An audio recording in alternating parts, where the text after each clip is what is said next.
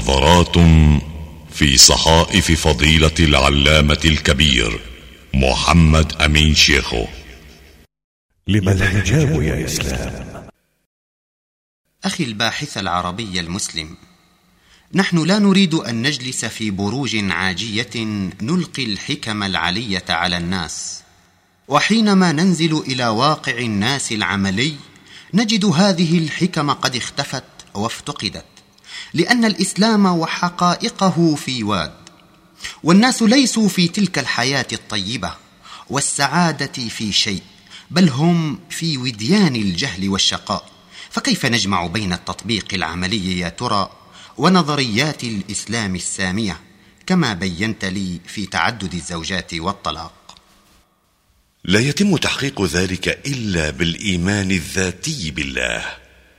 كما آمن أبونا إبراهيم عليه السلام. وكافة كتب العلامة الكبير محمد أمين شيخه ترشدك إلى سلوك طريق الإيمان الكامل الذي به يتم كمال الكمال. والآن هل لديك ثمة مشكلة أو معضلة أعجزت العالم الغربي غير مشكلتي الطلاق وتعدد الزوجات؟ التي اقتنعت بها يا أخي الباحث الأوروبي؟ نعم. أنتم معشر الشرقيين تتمسكون بأمور تقليدية موروثة لا طائل تحتها. تورثكم امراضا وعقدا نفسية تغدو كبتا في شبابكم وشاباتكم. فتقطع بذلك الصلات والأواصر الاجتماعية بالفصل بين الجنسين. بل تسترون المفاتن والجمال والصبا بستائر سوداء مظلمة لا تتماشى مع الحضارة الراقية. وتقبع نساؤكم بالبيوت فأين الحرية؟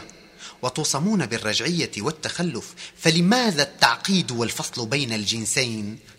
أطلقوا لهما الحرية حتى ترتوي غرائزهم ويمل هذا الأمر ويقضى على هذه الغرائز الجنسية الجسدية لينطلق الجنسان الشباب والبنات في عمل بناء الوطن وقد خمدت العواطف وهدأت الغرائز وماتت إذ كلت النفس منها وملت فخبى لظى سعيرها وانطفأت. وهيا للبناء والعمل البناء المثمر المنتج للرخاء هذا من ناحية إذ أعلم بأنك ستجيبني بأجوبة حاسمة قاطعة بلا منطق ولا حجة ولا حوار. فتقول لي هذه فاحشة وتبتر المناقشة دون فهم ولا وعي ولا إدراك. أخي الباحث الأوروبي أيكون هذا دون صك زواج؟ بالله عليك يا أخي العربي المسلم أهذه الورقة التي تكتبوها هذه الورقة هي التي تجعل الحرام حلالا فتدخل نارا حامية وتحرق الإنسان المتمتع بالجمال وتحرمه الجنان. أليس الله جميلا ويحب الجمال؟ فكيف لا يمارس عباده الحب والجمال إلا بورقة قد تذروها الرياح؟ أخي الباحث الغربي سأسير معك بالمحاورة قليلا للوصول إلى نتائج هذه الورقة وقيم الأمور بنتائجها وخواتيمها. وفرضا أننا رفضنا الورقة طالما أن الشاب أحب الجميلة وعشقها وهي أحبته فعشقته ومارسا الحب دون الورقة وأنجبا بنين وبنات. ثم وفجأة توفي هذا العاشق الهيمان. والسؤال من للبنين والبنات؟ ومن لهذه المعشوقة الكثيرة بعد أن غاب زوجها؟ حاميها. وقطف زهرة شبابها ورماها بموته دون ضمان في أحضان الفاقة والفقر والذل والهوان. وما مصير اليتامى من الأطفال. حتما سيأتي ورثة الشاب وأهله ويقذفون بهم إلى الشارع إلى الهلاك لأن أباهم الغير الشرعي مات. وحلت به وبأرملته وذراريه الآفات. نعم سيأتي الورثة من أخ وأخت وأب وأم وأقارب وسوف يأخذون كل ما لديهم من فراش ومتاع وطعام وشراب ومسكن بقوة القانون. وسيقولون لهم للأهل الشرعيين الميراث ولكم الحجر. إذا يا أخي الباحث الغربي عن الخير والكمال انظر ما فعلت ما سميتها بالورقة أي صك الزواج.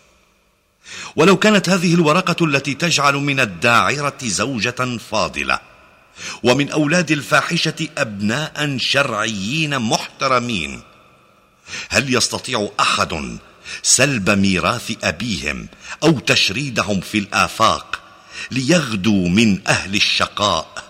وأي بقاء في الشقاء؟ بل من المجرمين أعداء المجتمع القاسي عليهم بنظرهم. لا بل بسبب هذه الورقة. هل كان يطلق على من شاركته حياته زانية عاهرة أم زوجة فاضلة؟ ومن سيقبل بها زوجة وبأبنائها وبناتها عبئا ثقيلا ووصمة عار. وأين وراثتها؟ وكيف ستقضي بقية حياتها؟ أبالبغاء وقد ذبل شبابها. فما أصعب قسوة ومرارة الحياة التي ستواجهها؟ وبصحيفة من؟ بسبب هذه الورقة التي تفضلت وذكرتها تهكما يا عزيزي. هذا قانون الإله الرحيم. هذا جانب من الإجابة على القسم الثاني من استفسارك المنطقي عودا إلى بحث الجانب الأول منه. أخي الباحث المسلم لا أدري ما أقول. فلقد صعقتني بإجابة علمية إنسانية ما كنت أتصورها في دينكم.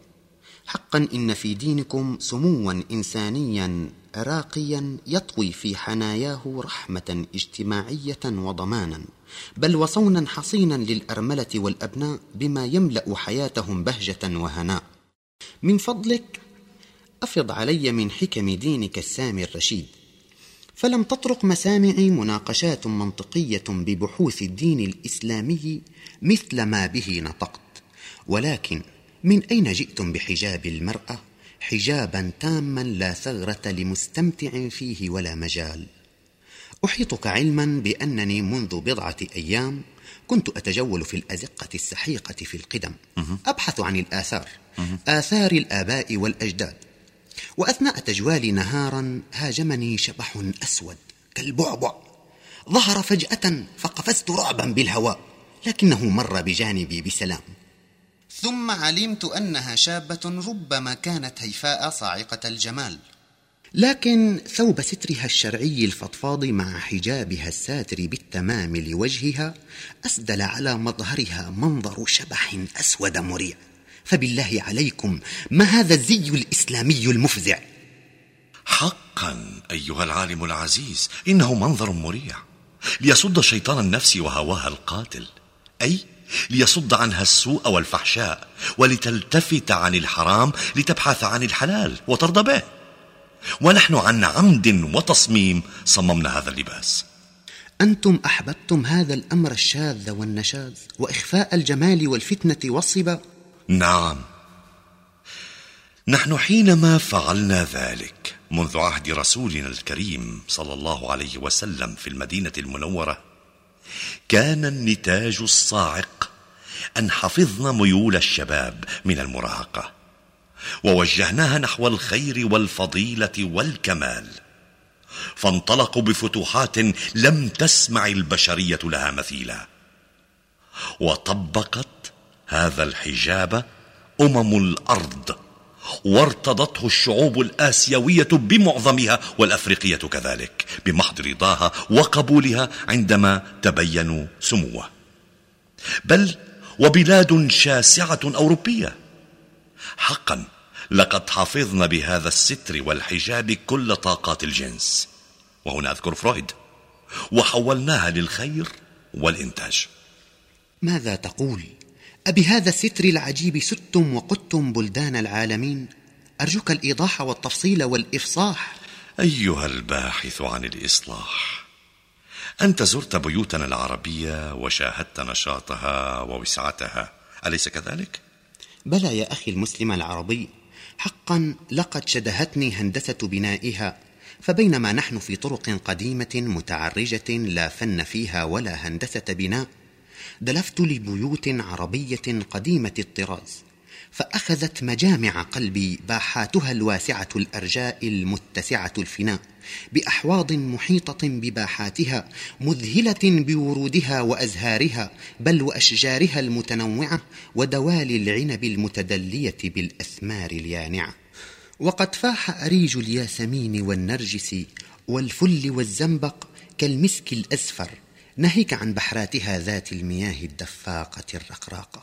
ففي كل بيت عربي حديقة غناء ومياه جارية وثمار متدلية يكسو لون الخضرة الجدران والأبهاء. فعجبت من قبح الطرقات وجلال وجمال بيوت فيها جنات ناضرات فلماذا؟ صحيح ما ذكرت. ونحن المسلمين عن قصد وتصميم. جعلنا الطرقات ضيقة متعرجة لا يكاد النور يغزوها. وبالعكس جعلنا من بيوتنا جنات. حققنا ذلك فتحققت على أيدينا المعجزات الباهرات بالفتوحات. هب أن إنسانا انقطع في الغابات وتاه في الأدغال عدة أشهر يقطف الثمار ويعيش على النباتات الطبيعية. ثم التقى بأنثى مهما كانت درجة جمالها. أفلا يهفو إليها قلبه ويرضى بها في هذه القفراء من البشر أو مع فقدان النساء بالأدغال؟ أفلا يرضى بها شريكة لحياته بتلك الأراضي العذراء؟ وهل يرضى عنها بديلا؟ طبعا سيجدها هبة من السماء أو قد يظنها ملاك هبط من الأفلاك. وهكذا كان المسلمون في أوج فوزهم يعيشون. فحيثما ارتحلت أو رحلت وفي أي سوق أو شارع تجولت فلن تجد إلا الجنس الخشن في كل مكان. ولا وجود لأنثى إلا كظلال سوداء لا تلفت نظرا ولا تثير فتنة. والنساء يقرن في بيوت عربية كالجنات. فإن أرادت الأنثى الخروج فلن تجد سوى طرقات وأزقة ضيقات لا تملأ العين ولا تسر الناظرة. عندها تفضل القرار في دارها الجميلة. هذا والرجل لا يرى خارج بيته أو في عمله إلا الخشن من الرجال. وكأنه في عزلته عن الجنس اللطيف كإنسان القفراء أو الأدغال. فمتى دلف داره وشاهد أنثاه التي هي زوجته وهو لا يرى سواها ما عدا المحرمات فيجدها تجاه الجنس الخشن نعمة لا تقدر بثمن. فهو بها قرير العين راضي الفؤاد لأنه لا يرى أحسن منها ولا أجمل منها فيغتبط بنعمته التي لا مثيل لها وكذا الزوجة. فهي بمعزل في بيتها لا ترى غير زوجها فتنعم به وترى أنها به حازت كافة أحلامها. إني لاسمع أمورا غريبة ومفاهيم ما كنت لأعلم بها من قبل. فزد لي من هذا الجديد كل الجدة. تباركت علوما. ليس هذا الستر والحجاب الشامل وللوجه ساتر بالأمر الجديد عند المسلمين. بل هو منذ أول نشأتهم في المدينة المنورة حيث نصر الله رسوله الكريم وأمره هو والمسلمين بالحجاب. حتى أن جلاء اليهود من بني قينقاع أنهم استحقروا حجاب الأنصارية المسلمة على وجهها وتهكموا بها وأرادوا كشفها. فدافع عنها مسلم فقتلوه فأجلاهم رسول الله صلى الله عليه وسلم من المدينة ثم من الجزيرة العربية بأسرها. ودام الحجاب ودام العز والنصر للمسلمين حتى أهملوه بالقرن العشرين. فاستعلى عليهم اليهود وغدوا عندها من أضعف الأمم. من ذلك تدرك يا أخي قيمة الستر والحجاب. والحجاب فرض لكافة الديانات السماوية. فبالثلاثينيات من قرننا العشرين كانت نساء النصارى واليهود مستورات محجبات في الأزقة والأسواق. أما المسلمون فحتى عام 1950 لم تكن هناك مسلمة واحدة. تكشف الستر عن وجهها بكافة مدن الشام ولبنان والغوطة إطلاقا. بل وفي كافة البلاد الإسلامية والعربية. أما في مصر العزيزة فقبلها بقليل حينما خرج شاعرنا حافظ إبراهيم يقول أنا لا أقول دعوا النساء سوافرا مثل الرجال يجلن في الأسواق. وحتى في بريطانيا العظمى. فقد كان ستر الوجه سائدا حتى أن النساء الأرستقراطيات كن يحضرن مسرح الشكسبير وعلى وجوههن البراقع ويجلسن في مقصورات مغلقة ليشاهدن روائع أدبيات شكسبير الاجتماعية. حقا سمعت بهذا ونسيته فلولاك لضاع في وادي النسيان. أتمم بوركت يا أخي. حقا وصدارة أن الستر والحجاب أمره خطير. فإن أهمل وترك هلك الشباب والشابات وامتصت طاقاتهم الوجهات الجنسية. بل ولبذرت أموالهم وانشغلت قلوبهم بمفاتن الجمال وسيطرت فرضية فرويد على عقولهم وضاعت جهودهم لإنشاء وبناء الوطن في وادي الجنس الذي وكما يقول العلماء الغربيون من هبط فيه فلن يخرج منه. لقد غدت الوجهات الجنسية شغلهم الشاغل. فأهملوا كل إبداع واختراع وأضاعوا دنياهم وآخرتهم وهم بالجنس غارقون. وبه وبفنونه من غناء وطرب وموسيقى ولعب وعطور فاخرة غالية وتفنن في اللباس وضاع المجهود الحربي لحماية الوطن باستغراقهم بالفتن بإغداق ذلك على الطرق الحرام والانصراف عن كل حلال. أما لو نظمنا أمور الستر والحجاب كما نظمها الله ورسوله صلى الله عليه وسلم لانصرفت وجهات الرجال والنساء لواجباتهم ولبنوا بناء شامخا شاهقا عليا كما بنى آباؤهم الكرام صحابة الرسل العظام. فللرجال مجال وللنساء مجال. وتحقيق شهوة الجنس ترتوى بالزواج ويلزم الجنسان بناء وطن صالح مصلح للبشرية كل في مجاله الطبيعي الذي خلق له.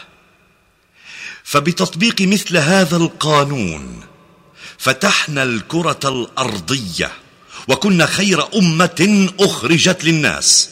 نأمر بالمعروف وننهى عن المنكر. وحين تركنا التفكير وسرنا بالتقليد وفرطنا بقوانين الإله الإنسانية ثم أهملنا الحجاب أصبحنا أمة ضحكت من جهلها الأمم. فلا لدنيا سعينا وبعيد ذاك الوقت الذي يمكننا فيه أن ننافس الدول العظمى بها ولا لآخرة عملنا. والتي بإيماننا بها وبالله سدنا العوالم وقدنا الأمم للنور والسعادة دنيا وآخرة. والآن يا أخي الباحث الحر الأوروبي أعرني سمعك اجبك على استفسارك الأول. إذ قلت أنه باختلاط الجنسين وإخراج الشهوات تخمد العواطف وتهدأ الغرائز وتموت. أقول ان ما يقرره الواقع أشد التقرير. اولا إن الغريزة الجنسية مركونة في كل كائن حي وإنها عرضة للإثارة عند معاينة الجمال والاطلاع على فتنة الجسد. ذلك أنه طالما أن الإنسان يأكل ويشرب ويتغذى وتنشأ فيه مادة الحياة التي منها خلق فهي فيه جارية ويمكن دوما إخراجها باستثارة الفتن والجمال. ثانيا إن الأخلاق إذا نمت وتكاملت لا تستطيع تدمير القوى الغريزية الجنسية ولكن بإمكانها توجيهها نحو الخير. كذلك الأخلاق الراهنة الكاملة لا تقوى على تبديل القوانين النفسية الراهنة. وهذه الملاحظات ستتوضح لدى الانسياب بموضوعنا الحجاب والسفور. أخي العالم المسلم لقد بينت لي تبيانا لا يقبل الجدل على أن ريقه صك الزواج أمر هام وأساسي في بناء مجتمع راق وفاضل ومتقدم. وكذا الحجاب. فهل تشرح لي شيئا عن قيمة الزواج وأهميته ليتوضح الأمر ككل؟ يا أخي الباحث الاوروبي الحر بالتفكير الزواج هو واضع القواعد الاجتماعية الأولى لأنه مؤسس الأسرة وهي كما نعلم الحلقة الأولى من حلقات المجتمع الكبير وهو أيضا وسيلة لإنشاء حياة جميلة يغمرها العطف والود. وإن نشوء البنين والبنات في الوسط العائلي يسقيهم العواطف الرقيقة منذ أيامهم الأولى وينمي فيهم المشاعر الودية التي تعدهم لحياة مقبلة تشيع فيها الرحمة والرأفة. ولولا الزواج لانقرض النوع الإنساني منذ أمد بعيد. فاتصال الحياة واستمرارها على هذه الأرض يقضي إذن ازدهار الزواج وبقاءه. اذا فما مفعول الزنا وأثره الاجتماعي والفردي؟ آه الزنا يعمل عملا عكسيا للغاية. فإنه باعث الفساد في المجتمع ومشيع الفوضى ومبيد النسل. وإن الشاب يوم يندفع إلى الفاحشة إنما يمسك معولا بكلتا يديه ويقوض به دعائم الأمة. هل لديك ثمة أمثلة تقنعني حقا؟ هب أنه اتصل عن هذا الطريق المنحرف بفتاة تصيدها. إنه سيقضي معها زمنا ولكنه سيملها عندما يرى مسحة جمالها تذوي بين يدي السنين ويهجرها.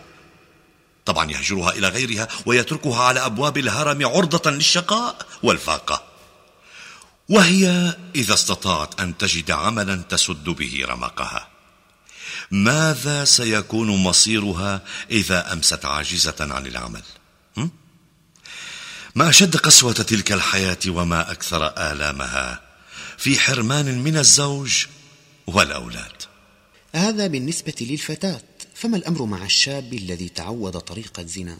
إذا شئنا أن نعقب الشاب الأعزب في مستقبله بعد أن تعود الزنا فإننا نجد أحد حالين. اولا هجر الحياة الزوجية بأن يبقى طوال حياته مستمرا في هذه الطريق القبيحة فلا ينعم بأسرة ولا يساهم في إحياء المجتمع ويكون عرضة للأمراض المنبعثة عن هذه الحياة. ومعولا هداما لسعادة كل امرأة يتصل بها. فإذا انقضى الشباب وجاء المشيب. لم يجد هذا العابث إلى جانبه ولدا معينا ولا قريبا حبيبا. عندها يدخل في الأحزان ويكتوي بنار الشقاء في مساء حياته المظلم. ولكن يا أخي المسلم العمر طويل وباب الزواج مفتوح حتى أنه ليجد فتاة غضة الشباب ترضى به زوجا ولو بلغ من العمر الخمسين. إذا تزوج فاتنة يوم تبدأ نضارته بالانحدار نحو الذبول. بعد عهد طويل قضاه في أحضان الغانيات لا غرو إذا عزم الزواج أنه سينتقي حسناء. ولكن هذه الغادة التي اختارها في مقتبل عمرها لن تكون سعيدة إلى جانبه وهو قد سلخ من العمر شوطا كبيرا. إذا وضح لي هذا الأمر أكثر من فضلك. إن زوجا في الصبا والجمال لن تعجبها الحياة مع زوج في مساء الشباب. وسوف تمد عينها إلى رجال هم أوفر صحة وشبابا. فإذا هي بين عشية وضحاها تسير إلى الزنا وتجتذبها الهاوية وستنجب لزوجها الشرعي أولادا غير شرعيين فإذا مات الأب قاسموا إخوتهم من أمهم ميراثهم وشاع الفساد في هذا البيت البائس المتصدع. ولكن ما قولك إن كانت الزوجة فاضلة ورضيت بزوجها واكتفت بالحلال البسيط عن الحرام؟ انكبحت تلك الزوج الشابة جماح شهوتها وصبرت نفسها ولم تسلك طريق العهر.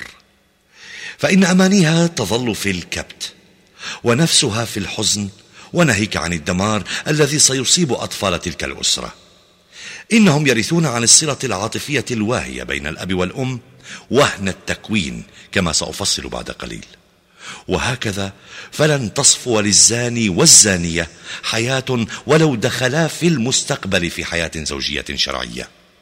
لذلك فستشيع في حياتهما السآمة والملل وتغمرهما الأحزان وتكوي قلوبا أفسدتها الرذيلة ولوثتها الجريمة. هذا هو مصير الزنا. فهو مسبب البؤس لدى الجنسين في مستقبل الحياة وهو مضعف النسل أو مبيده وماحق الفضائل من آفاق الحياة وماحي السعادة من صفحاتها.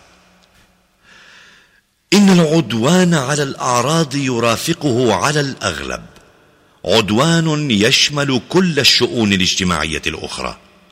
فكم من فرق شاسع بين نتائج الحياة الزوجية وحياة العهر والفحش. في الأولى تترعرع الفضائل وتنمو المشاعر الرقيقة وينشأ الجو المشبع بالتوادد والتعاطف.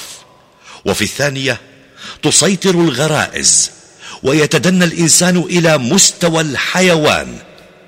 تغيب الغرائز العواطف الإنسانية العليا. ومستقبل قاتم مقفر من عطف الأقرباء وعون الذرية. لقد تبينت أمورا ما كنت أدركها طوال عمري لو لم تشرح لي حكمتها بما يتعلق بالحجاب والزواج وطريق الفاحشة وتأثيرها الساطع بالواقع الاجتماعي والفردي. فماذا عن السفور يا أخي؟ إن في السفور تدهور المجتمع نحو الرذيلة وفيه التفكك لروابط الحياة العائلية وهو مسبب الضعف في تكوين النسل وزارع بذور الجفاء والخصام والقسوه في البيت وناشئته. إن السفور يبدد الرضا من نفوس الناس ويبعث سخطهم وفي ظلال السخط لا ينمو إلا البؤس الإنساني والشقاء الاجتماعي. يا لهفي على الشرح والإيضاح. إليك يا أخي الشرح والإيضاح. فلنبحث اولا في آثار السفور في نفسية الشاب الأعزب والفتاة العزباء.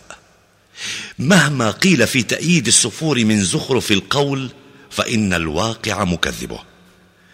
يقولون إن الأخلاق إذا تكاملت وغدت متينة لدى الجنسين فإن السفور عندئذ لا يسبب التدهور والانحلال.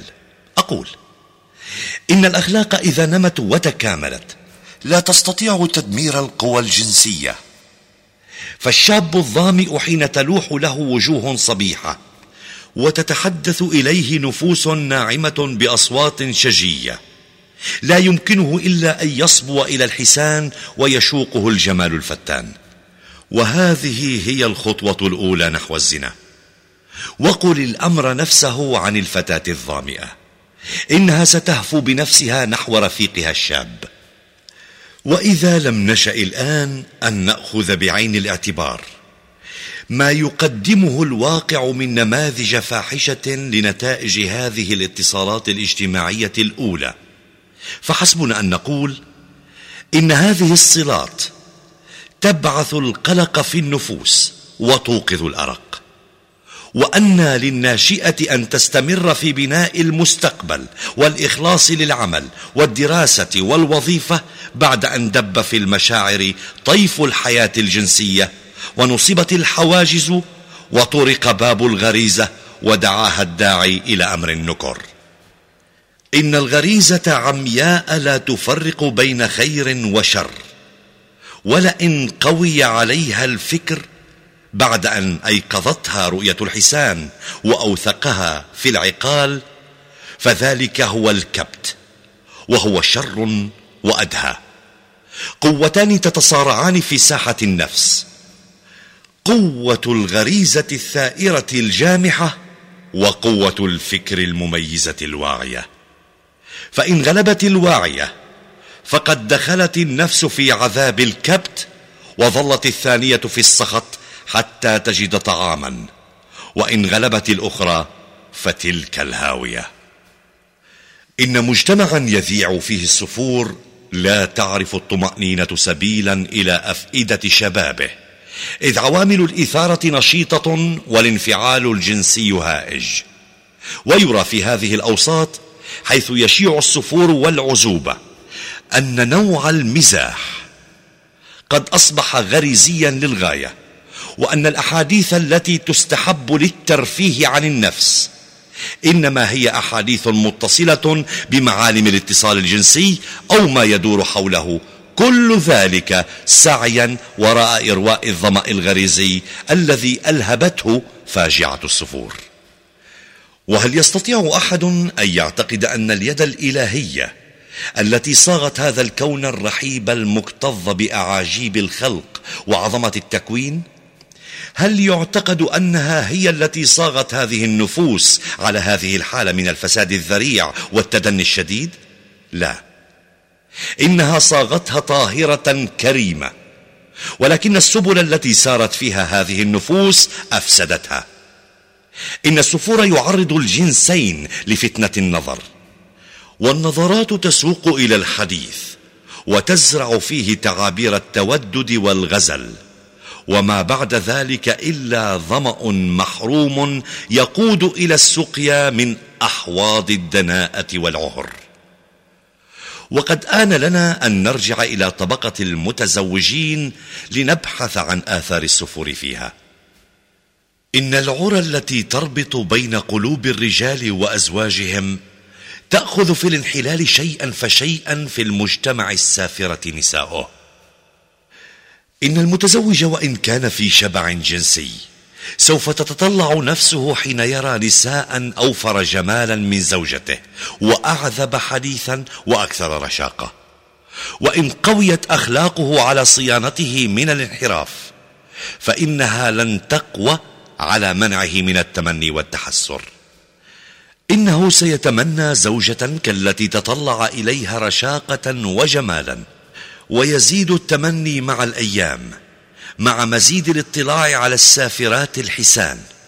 هنالك تنقلب تلك الأماني حسرات في نفسه ويغدو ساخطا على حظه البائس. وقل الأمر نفسه على زوجته التي شاهدها الرجال وشاهدت الرجال. لا بد أن تلقى رجلا تتوافر فيه عناصر تميزه وترفعه فوق زوجها بمراتب التفوق من وجوه كثيرة.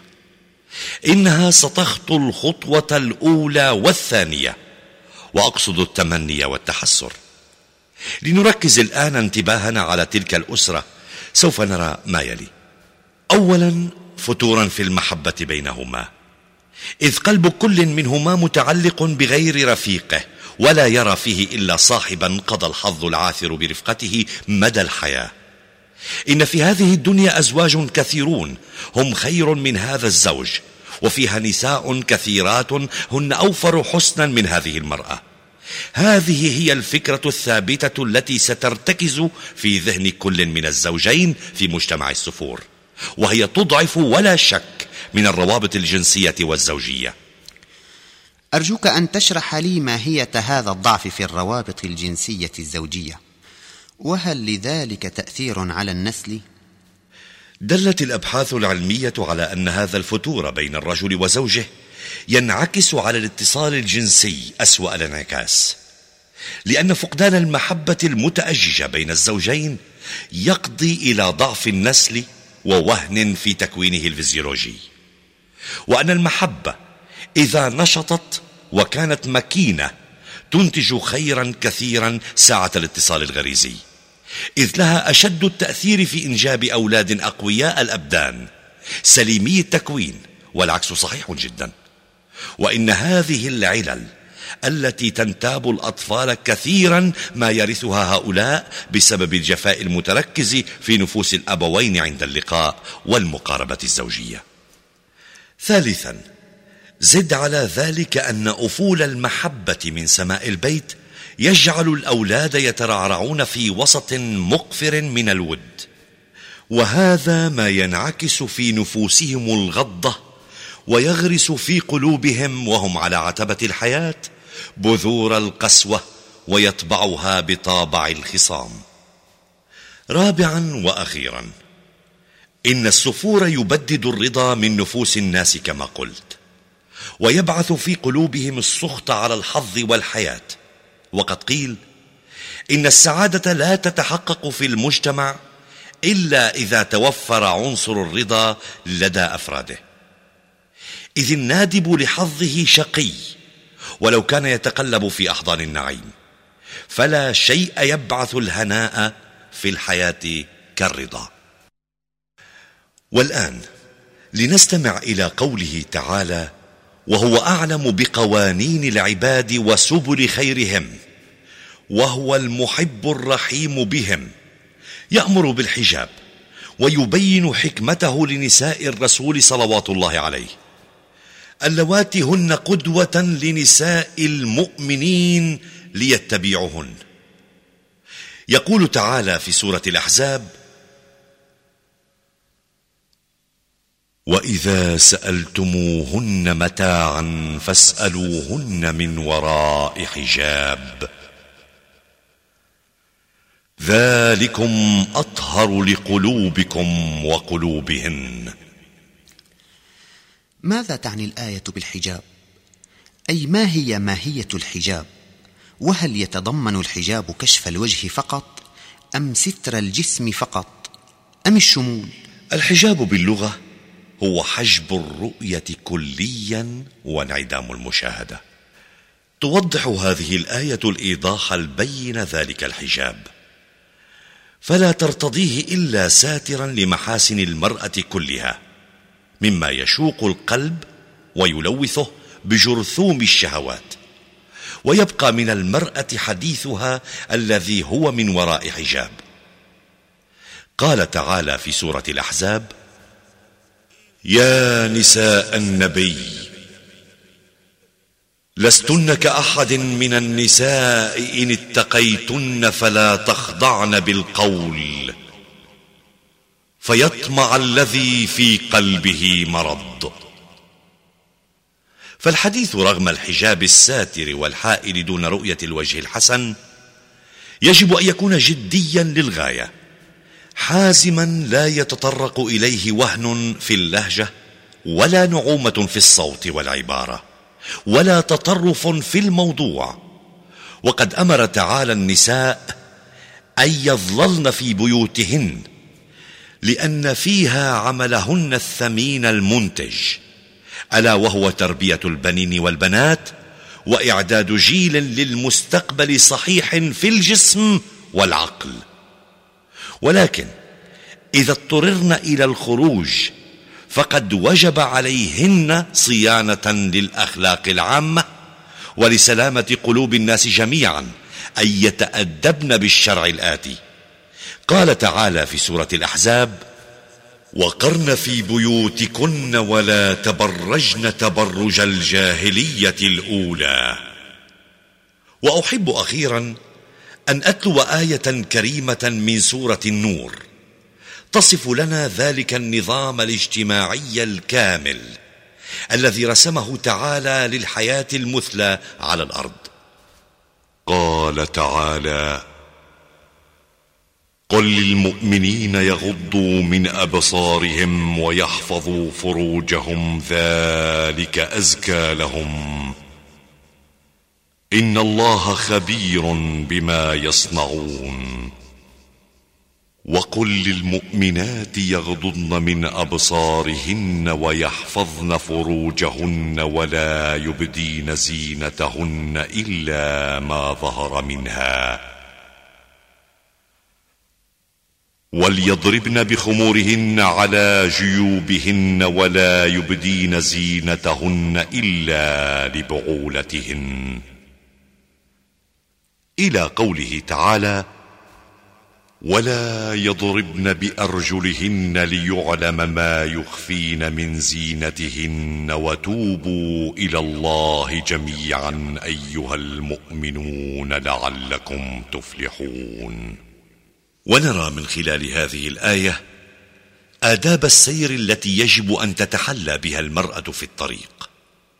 فالخمار إنما هو الغطاء الساتر مأخوذة من خمرة بمعنى غطى وستر ومنها الخمر والخمرة لأنها تغطي الوعي وتسد الفكر وتستره.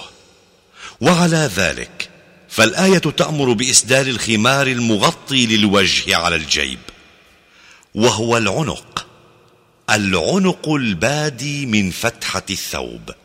وما يتصل به من أعالي الصدر. كل ذلك مبالغة في ستر الجمال الذي سماه تعالى زينة. إذ الجمال هو الزينة الطبيعية للنساء والصبا كذلك. وفي ختام هذه الآية سنة أخرى من سنن السير في الطريق. يجب على المرأة أن تعمل بها. ذلك أن الله تعالى ينهى أن تضرب المرأة برجلها لئلا يهتز جسمها وتظهر علائم فتوتها وصباها من وراء الثوب الفضفاض الساتر والخمار المسدل الحاجب. إذ هذا الاهتزاز في الجسم يثير الشوق الغريزي لدى الرجال ويحرك داعي الشهوة الراقدة. وهنالك الدليل القطعي على أن جسم المرأة كله فتنة. والمرأة كلها عورة. كما قال الرسول العربي صلى الله عليه وسلم الفتنة لا نرضى بها والفتنة نائمة لعن الله موقظها. أيضا قال تعالى في سورة الأحزاب يا أيها النبي قل لأزواجك وبناتك ونساء المؤمنين يدنين عليهن من جلابيبهن.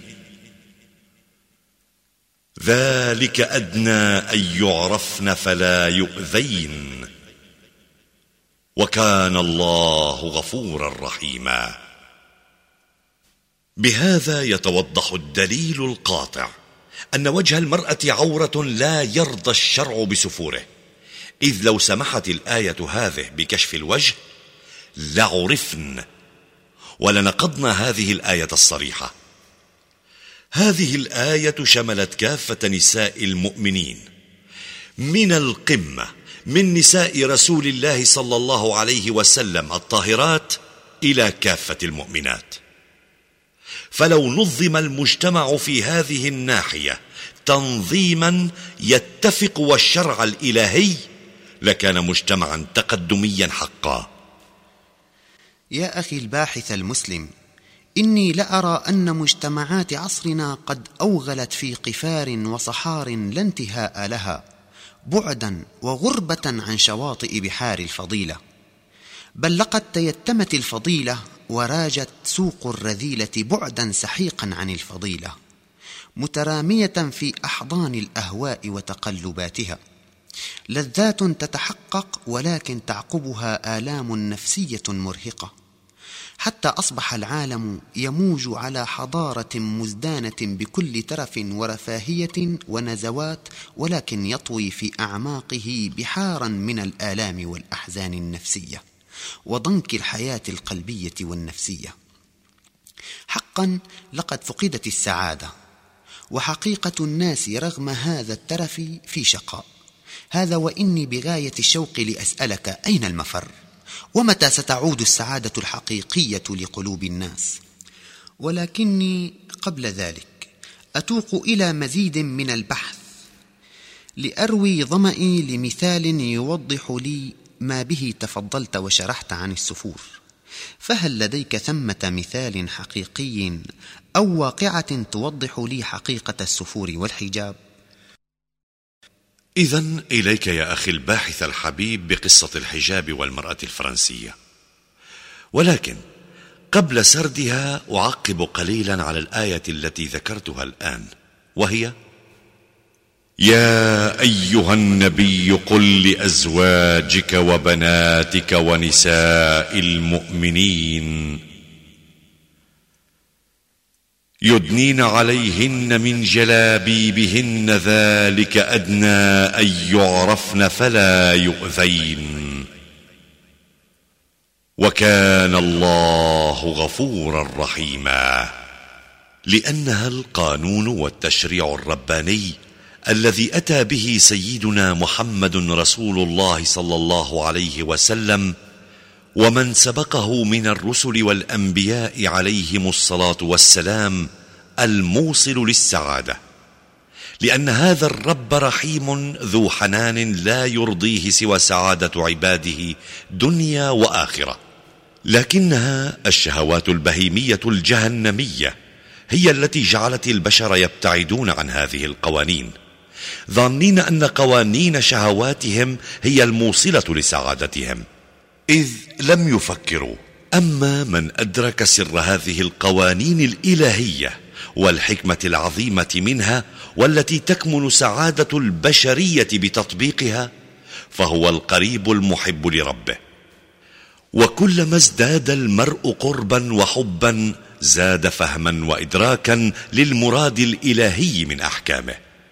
وإليك القصة الرائعة الواقعية والتي جرت حوادثها بعهد الانتداب الفرنسي على سوريا. حدد موعد للاجتماع بين العلامة محمد أمين شيخو وبين رجل ذي مكانة اجتماعية وثقافية.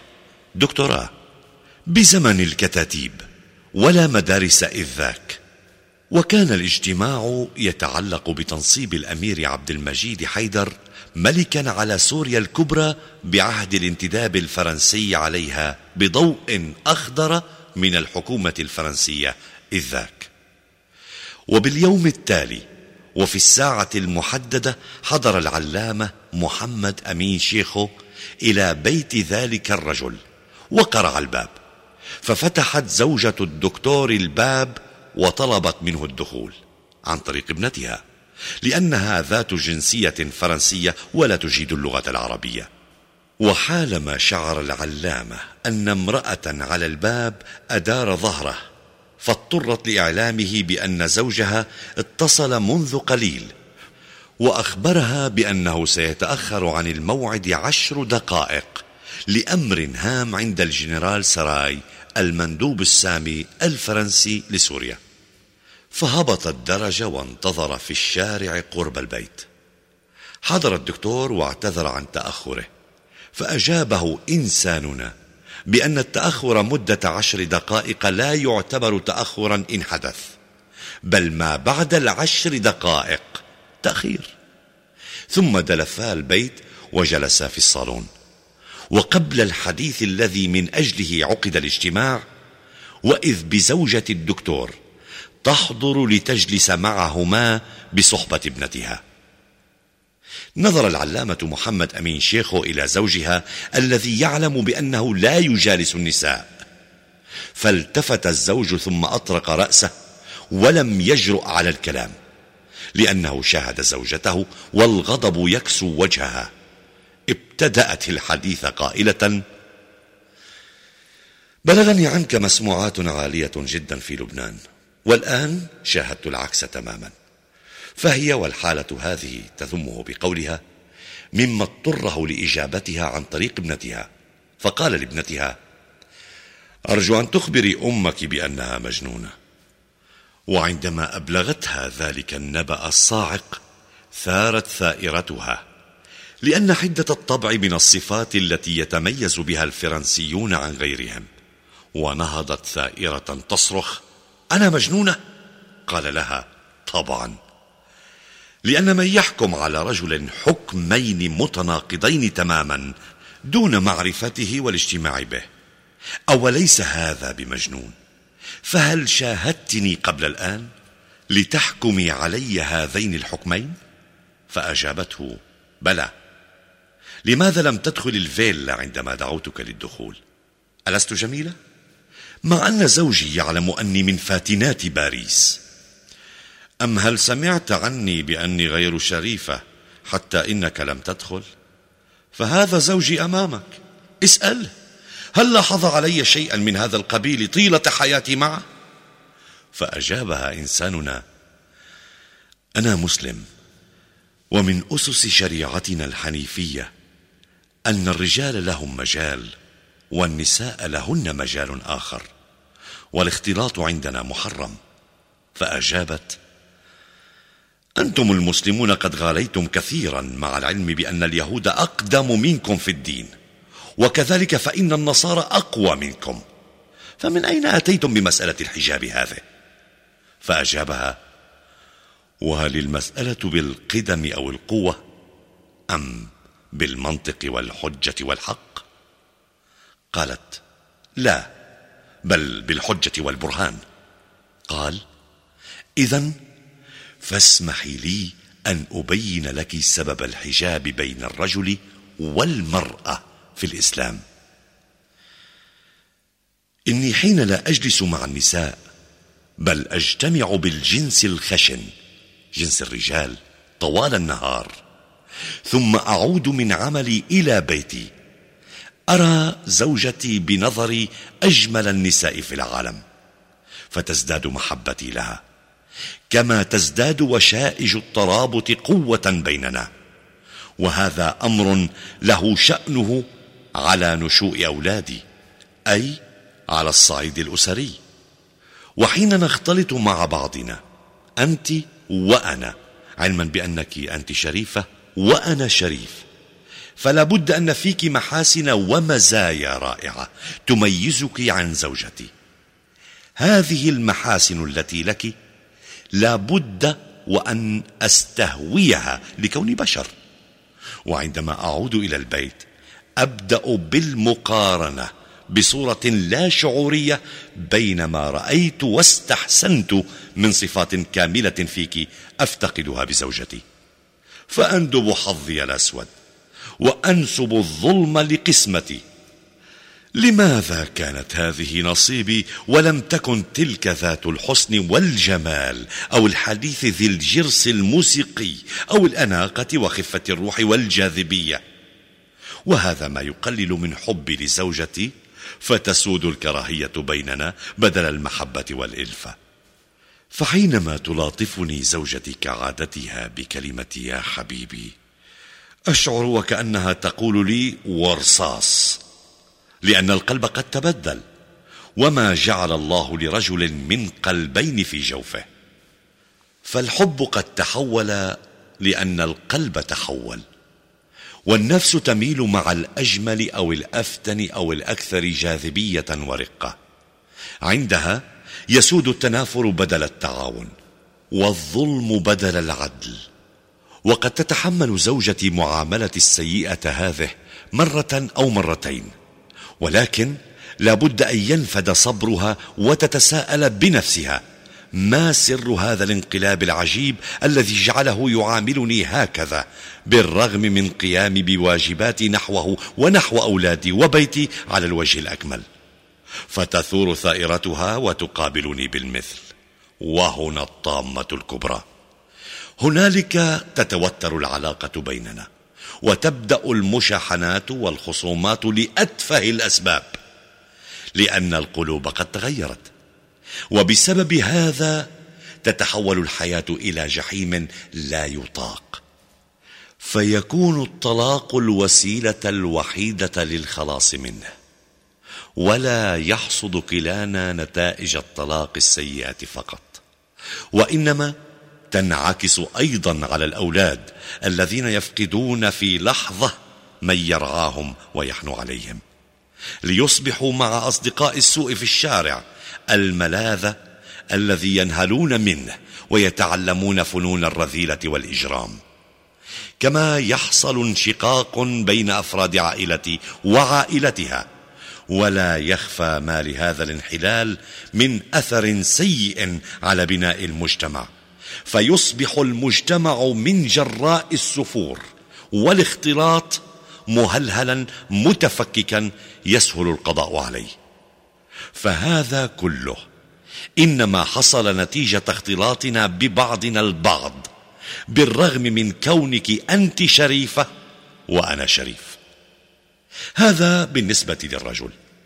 أما بالنسبة للمرأة فإنها من خلال اجتماعها برجل غريب. قد تستحسن فيه صفات جيدة. مثل الحديث المعاملة الهيئة المنصب إلى آخره. غير متوفرة في زوجها. ويؤدي هذا مع مرور الزمن إلى النفور من زوجها وبدء الخصومات والمشاحنات. ثم التفت إليها العلامة محمد أمين شيخ وقال إن شاهدت في صفات حسنة جميلة ألا تحبين أن تكون هذه الصفات متوفرة في زوجك؟ قالت أريد أن يكون زوجي أحسن مخلوق في العالم قال إذا وبفقدان هذه الصفات من زوجك فإنه سيصغر في عينيك وتتضاءل قيمته في نظرك وسبب ذلك كله اختلاطك بغيره حيث يدفعك هذا الاختلاط لاستحسان بعض الصفات في الغير والتي يفتقدها زوجك فيكون من نتيجتها الاشمئزاز والنفور بدل المحبة والسرور وتفتقد السعادة. فما لبثت بعد أن سمعت هذا الكلام المنطقي الذي هو بمثابة تحليل علمي لواقعنا العملي أن أقرت بذلك ونظرت إلى ابنتها وقالت لها أما الآن فأريدك أن تكوني مسلمة ولكن كهذا الرجل لا كأبيك. فطأطأ زوجها رأسه خجلا. لما تعرف عن سلوكه من ممارسات تتناقض مع روح الرجل المسلم. وبعد هذا الإقرار استأذن العلامة الكبير محمد أمين شيخه بالخروج والذهاب إلى بيته. ولم تمض سوى أيام قليلة بعد هذا اللقاء حتى جاء زوج هذه المرأة الفرنسية ليعلم السيد الشريف بأن زوجته الفرنسية ترجو اللقاء به مرة ثانية لما وجدته فيه من صدق وواقعية ومنطقية الحديث.